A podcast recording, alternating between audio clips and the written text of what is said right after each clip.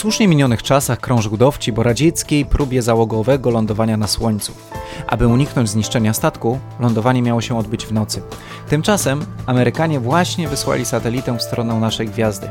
Nazywam się Łukasz Jachowicz i zapraszam na 66 odcinek Świata w 3 minuty.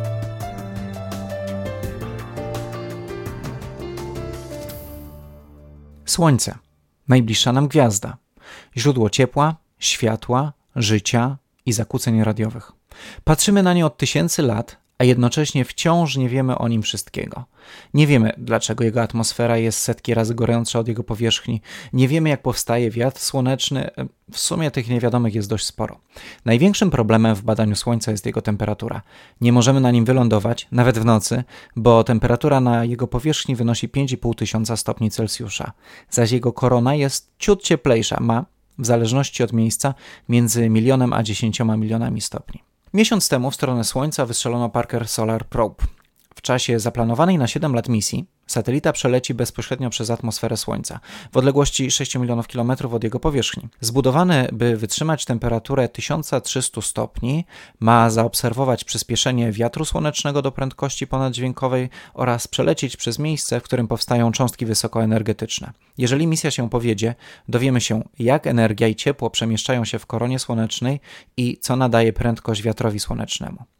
No właśnie, Parker Solar Probe ma osłonę wytrzymującą 1300 stopni, a temperatura w słonecznej atmosferze przekracza milion.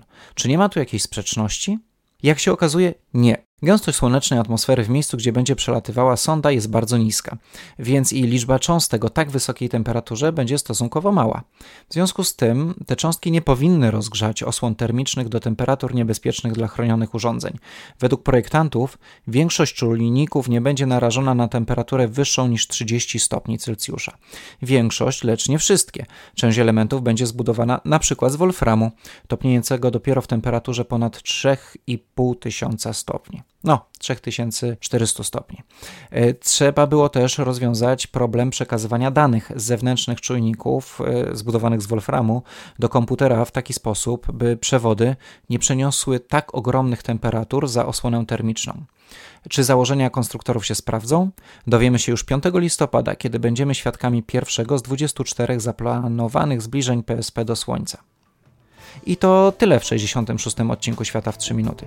Cieszę się, że znów możemy się regularnie spotykać i zapraszam na stronę internetową 3minuty.com oraz na fanpage na popularnym serwisie społecznościowym. Dzięki i do usłyszenia.